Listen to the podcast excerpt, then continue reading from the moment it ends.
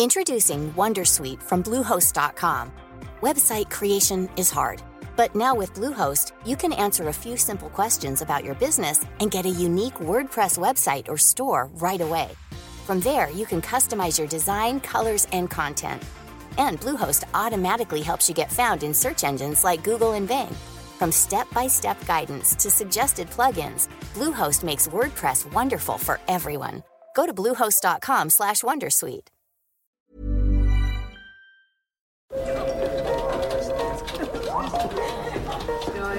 Dette er lyden av norsk næringsliv. Akkurat nå tas det små og store valg som kan bli avgjørende for fremtiden.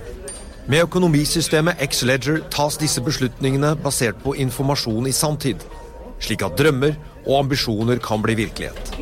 Få kontroll og oversikt, gå inn på xledger.no. Denne sendingen er sponset av Xleger. Velkommen til aksjepraten her i Finansavisen. Med meg har jeg aksjekommentator Karl Johan Målnes. Og Karl Johan, i dag så må vi starte her hjemme i Norge. Subsea 7 har lagt frem tall. Har Christian Siem grunn til å være fornøyd? Ja, det har han. Det er 4% bedre enn i fjor på inntektssiden. Og EBITDA på 134 millioner dollar er 14% bedre enn hva 11 analytikere forventer. Aksjen opp 4,5% og det er marginene på 11% opp fra 8 i forrige kvartal. Så dette er gode resultater. Det er en likvid aksje, den er veldig populær i utlandet. den aksjen her. Det, for det har vært tradisjonelt god likviditet i den. En annen aksje som vi må snakke om, er Nell, som fyker opp på veldig høyt volum. Hva er det som skjer i aksjen? Vi vet ikke hva som skjer, men den er opp med 7% rundt 16 kroner. Det er viktig å minne folk om litt sånn enkel matematikk. Altså Hvis du har vært med i en aksje fra 2 kroner til 16, så du har 700% avkastning, så kanskje, skal man kanskje være fornøyd med det da. Å sitte og vente på de siste to til fire kronene, som kanskje er bare 10-20 når du har 700 gevinst. Det, det, er ikke antall kroner du tjener på en aksje som er viktig, det er prosentene du lever av. Så her gjelder å Og i det markedet vi er nå, det det er all grunn til å ta gevinst i Nell, hvis ikke man har veldig god innsideinformasjon om at det, det kommer et oppkjøp like rundt hjørnet. For dette ser jeg på som veldig likviditetsdrevet. Men det er klart det er store penger bak dette. her. Det er ikke tyske småsparere som har den nest mest omsatte aksjen på Oslo Børs i dag. Det, det doesn't make any sense. Og så må vi en tur over Atlanteren. Ja. Meta kom med tall i går kveld. De skuffa litt. Ja. Er du enig i det? Ja, det var veldig stor skuff. Hadde dette her vært et dårlig aksjemarked, så hadde aksjen virkelig tryna. De guider ned inntektene med 10% i det kvartalet vi er inne i. Så selskapet har helt klart store problemer. Det er eh, så aksjen bare ned 4% men 10% ned eh, fall i inntekt inneværende kvartal. Det er, eh, det er altfor lite. Market cap er fortsatt 459 milliarder dollar, og eh, dette, dette, selskapet her, eh, det ja, det virker det er veldig spesielt. Resultatene var ned med 35 og eh, jeg tror det, det kommer til å bli mye, mye verre her. En annen aksje som er litt interessant i disse eh, tider, er jo Best Buy. Ja, Best Buy er som Elkjøp. De har klart å tilpasse seg eh, konkurranse med internett. Og de har en market cap på 16 milliarder dollar, årlig salg på 50 milliarder dollar. Og de også guider ned. da. De guider ned for et årlig salgsfall på 11 fra 3 til 6 og aksjen var ned med 11 på dette. Så vi er i en veldig spesiell situasjon i USA. der liksom, Det kommer fra en veldig høy. Så det, det er rart å kalle det nedgangskonjunktur, bare for, for, du har vært veldig høyt oppe.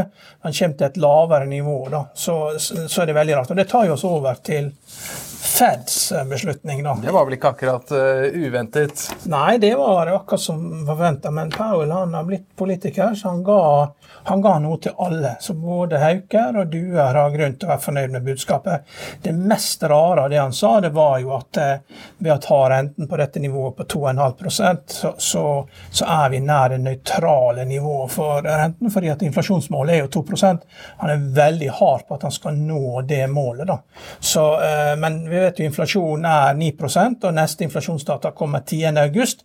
Men jeg la merke til at en av de obligasjonsinvestorene som har vært mest kritisk eh, til Powell, eh, Gundlach, han, han er fornøyd. Og han er jo fornøyd fordi han slipper å, å gå ut og, og, og, være minifed med å øke rentene på tiårsobligasjoner altfor mye. sånn at du, du får ikke en bølge her hvor det ser ut til at det, han, han, får tid på seg da, til å justere. sånn Tiårsrenten stiger nå, før du får de neste uh, inflasjonsdataene.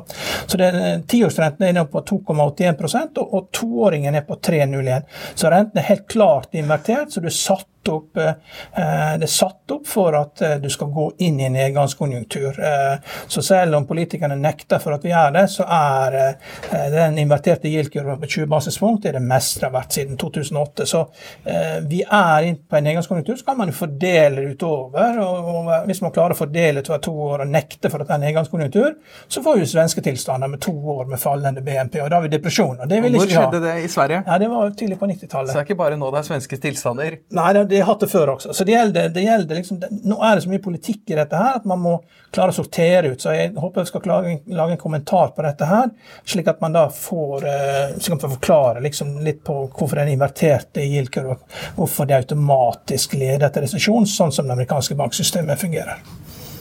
Har du lyst til å lese mer om hva som skjer i aksjemarkedet, gå inn på fa.no. Økonominyhetene har sommerferie, men det har ikke denne podkast-feeden. Hver dag kommer det aksjeanalyser aksjekommentarer og intervjuer med kjente personer fra norsk næringsliv. Så det er eh, ingen grunn til å legge vekk denne podkasten i sommer. Denne sendingen er sponset av Xleger. Økonominyhetene er en podkast og videoproduksjon fra Finansavisen. Programleder er Marius Lorentzen. Aksjekommentator er Karl Johan Molnes. Produsent er Bashar Johar. Podkast- og videoansvarlig er Marius Mørk Larsen. Og ansvarlig redaktør er Trygve Hegnar.